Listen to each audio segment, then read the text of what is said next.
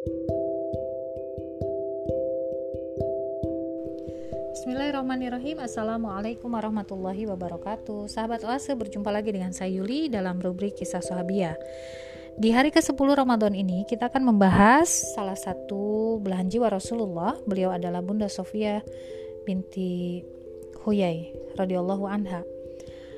Uh, Sofia binti Huyai uh, radhiyallahu anha adalah seorang umul mukminin ya yang memiliki silsilah nasab yang mulia Beliau adalah seorang bangsawan dari Bani Nadir, keturunan dari Nabi Harun alaihissalam. Artinya jika digaris ya, ditarik garis nasabnya, Nabi Musa alaihissalam terhitung sebagai pamannya ya. Keutamaan itu semakin lengkap karena baginda Nabi Shallallahu alaihi wasallam mempersunting beliau ya menjadi suaminya. Uh, jika kita lihat dari nasabnya, beliau adalah Sofia binti Huyai bin Akhtob ya bin Syu'ah bin Ubaid bin Ka'ab dan seterusnya ya cucu dari Nabi Harun bin Imran alaihi salam. Ibunya adalah Barrah binti Sama'u al. Umul Mukminin Sofia lahir tahun ke-9 sebelum Hijriah dan wafat tahun 50 Hijriah.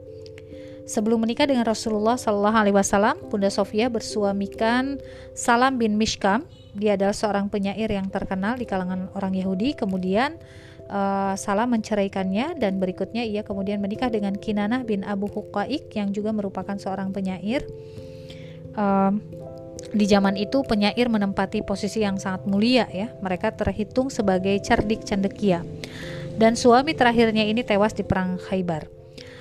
Uh, Umul Mukminin Sofia radhiyallahu anha adalah seorang uh, bangsawan dari Bani Quraizoh, Yahudi Bani Quraizoh dan juga Bani Nadir Ayahnya Huyai bin Akhtab adalah tokoh Yahudi ya sekaligus ulama dari kalangan mereka. Dan sang ayah tahu bahwa uh, Muhammad bin Abdullah adalah seorang nabi di akhir zaman. Ia tahu persis sejak kali pertama kaki Nabi yang mulia itu menjejakkan tanah di Yasrib ya, nama Madinah di masa yang lalu. Akan tetapi karena kesombongannya dan juga karena sikap gengsinya dia menolak kebenaran. Karena apa? Karena Nabi uh, Muhammad SAW bukan berasal dari keturunan uh, Yahudi atau keturunan Israel, melainkan berasal dari uh, keturunan bangsa Arab. Keadaan dari Huyai bin Akhtob, ayah dari Bunda Sofia ini, langsung dia ceritakan sendiri jadi beliau bercerita, tidak ada seorang pun anak-anak ayahku dan pamanku yang lebih keduanya cintai melebihi aku. Tak seorang pun anak-anak keduanya membuat mereka gembira kecuali ia melibatkan aku bersamanya. Ketika Rasulullah SAW tiba di Kuba, perkampungan Bani Amr bin Auf, ayah dan pamanku Abu Yasir bin Akhtob datang menemuinya di pagi buta. Demi Allah, mereka baru pulang menemui kami saat matahari menghilang. Keduanya datang dengan ekspresi yang layu, lunglai, dan jalan tergontai. Aku berusaha membuat mereka gembira seperti yang biasa kulakukan. Demi Allah, tak seorang pun dari keduanya peduli walau hanya sekedar menoleh kepadaku. Aku dengar pamanku Abu Yasir bicara kepada ayahku. Apakah dia itu memang si nabi itu? Iya, demi Allah, jawab ayah. Kau kenali dia dari sifat-sifat dan tanda-tandanya? Tanya paman lagi. Iya, demi Allah. Ayah memberikan jawaban yang sama. Lalu bagaimana keadaan dirimu terhadapnya? Tanya paman. Ayah menjawab, demi Allah permusuhan selama aku masih hidup. Jadi Huyai bin Akhtab ini uh, ber, berjanji kepada dirinya sendiri untuk memusuhi Muhammad SAW selama dia hidup. Diceritakan uh, oleh Musa bin Uqbah Az-Zuhri bahwa saat Rasulullah SAW di Madinah, Abu Yasir bin Akhtab datang menemui beliau. Ia mendengar ucapan-ucapan beliau. Setelah itu ia kembali kepada kaumnya orang-orang Yahudi dan berkata, "Taatilah aku. Sesungguhnya Allah telah mendatangkan kepada kalian seseorang yang kalian tunggu-tunggu. Ikutilah dia. Janganlah kalian menyelisihinya." Kemudian Huyai bin Akhtob yang merupakan pimpinan Yahudi segera beranjak menemui Rasulullah SAW. Ia duduk dan mendengarkan ucapan Nabi. Setelah itu pulang menuju kaumnya. Huyai adalah orang yang sangat ditaati e, di tengah-tengah kaumnya. Ia kemudian berkata, Aku telah datang menemui laki-laki itu. Demi Allah, aku akan senantiasa memusuhinya selama-lamanya. Abu Yasir berkata, Wahai anak pamanku, ikutlah bersamaku dalam permasalahan ini.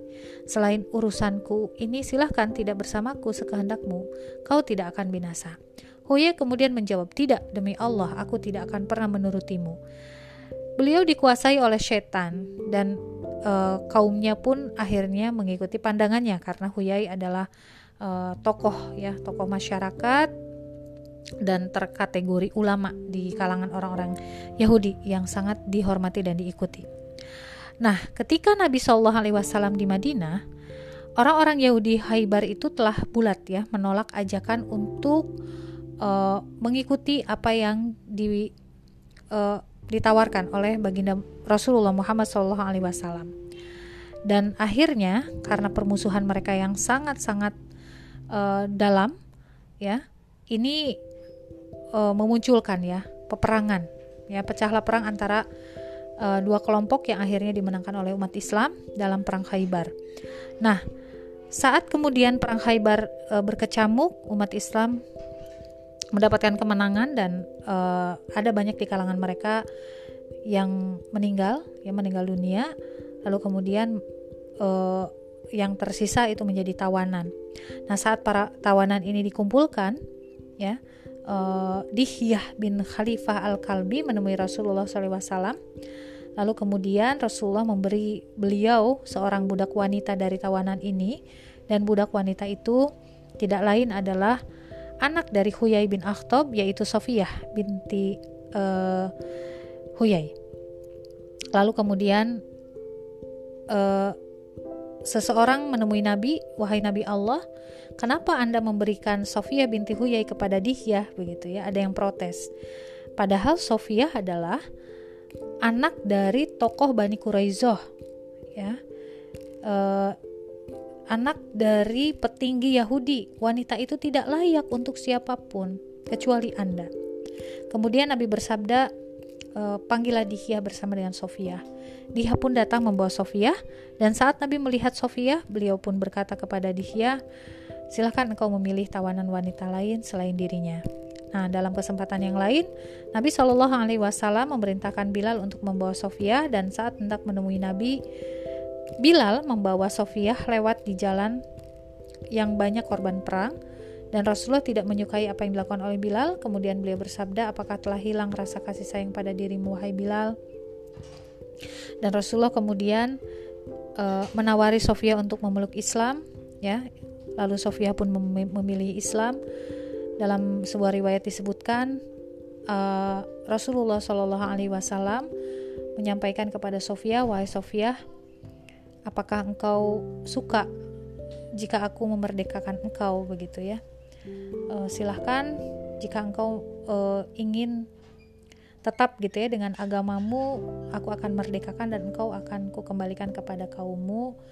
Tapi kalau misalnya engkau mau masuk ke dalam Islam maka aku akan mempersunting menjadi istrimu. Dan Bunda Sofia memilih untuk dipersunting oleh Rasulullah SAW dan e, terjadilah ya akhirnya pernikahan yang agung antara baginda Rasulullah Muhammad SAW dengan e, seorang wanita yang berasal dari kalangan e, Yahudi. Ya. Nah ini cukup menggemparkan begitu ya, tapi akhirnya menjadi dakwah bagi kaum Yahudi dengan masuk Islam dan dipersuntingnya Bunda Sofia e, oleh baginda Rasulullah SAW. Nah, e, di sinilah kemudian uh, Bunda Sofia akhirnya bergabung ya dengan keluarga Rasulullah Muhammad Shallallahu Alaihi Wasallam.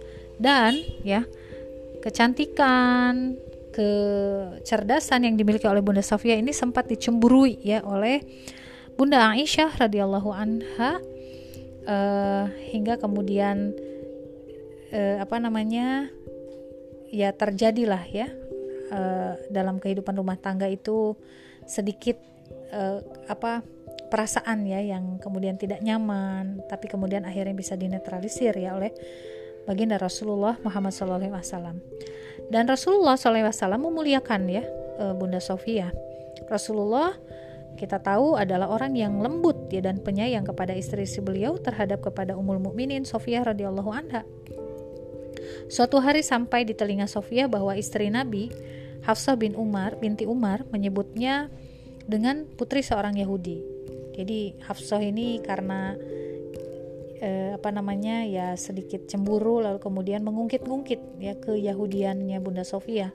Lalu Bunda Sofia pun menangis dan saat bersamaan Rasulullah SAW datang menemuinya dan melihatnya menangis. Beliau bertanya, apa yang membuatmu menangis? Lalu Bunda Sofia menjawab, Hafsah telah berkata kepadaku bahwa aku adalah Yahudi. Nabi berkata kepadanya, Sesungguhnya engkau adalah putri seorang nabi, pamanmu pun seorang nabi, dan engkau dalam dalam naungan seorang nabi. Bagaimana kau tidak bangga dengan hal itu? Kemudian beliau berkata kepada Hafsah, Wahai Hafsah, bertakwalah engkau kepada Allah. Maksud Sofia putri seorang nabi adalah nasabnya yang sampai ya pada Nabi Harun. Pamanmu adalah nabi, maksudnya adalah Nabi Musa adalah paman paman beliau dan suamimu adalah nabi tiada tiada lain adalah baginda Rasulullah Muhammad SAW yang sudah berstatus menjadi suami beliau. Nah, suatu hari Nabi SAW bertikaf di masjid, Nabi bersama dengan istri-istrinya. Saat mereka pergi, Nabi berkata kepada Sofia binti Huyai, Jangan tergesa-gesa pulang, akan kuantar engkau. Ini bukti kelembutan ya, eh, baginda Rasulullah SAW. Eh, saat itu rumah Sofia berada di tempatnya Usama. Nabi SAW keluar kemudian bersama Sofia. Di jalan Nabi bertemu dengan dua orang Ansor. Keduanya memandang Nabi uh, sesaat gitu ya lalu terus berjalan lalu beliau e, berkata kepada keduanya kemarilah kalian ini kuperkenalkan Sofia binti Huyai maka keduanya berkata maha suci Allah wahai Rasulullah lalu beliau bersabda sesungguhnya setan berjalan pada diri manusia lewat aliran darah dan aku khawatir telah timbul suatu perasaan pada diri kalian berdua nah kisah wafatnya Bunda Sofia ini ya disebutkan di dalam sirah beliau wafat pada tahun 50 Hijriah uh, di masa pemerintahan Muawiyah bin Abu Sufyan radhiyallahu anhu dan beliau dimakamkan di pemakaman Baki. Semoga kita bisa mencontoh uh, apa yang nampak ya dari kebaikan-kebaikan Bunda Sofia. Demikian, terima kasih. Wassalamualaikum warahmatullahi wabarakatuh.